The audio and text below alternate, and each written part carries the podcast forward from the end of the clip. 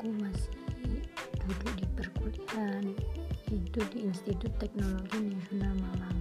Aku di jurusan Teknik Industri. Di sini aku ingin membuat podcast tentang hari-hariku tentang apa yang aku lalui tentang hatiku tentang seluruh yang ada di kehidupanku. Dan tentang dia dan dia yang menciptakanku.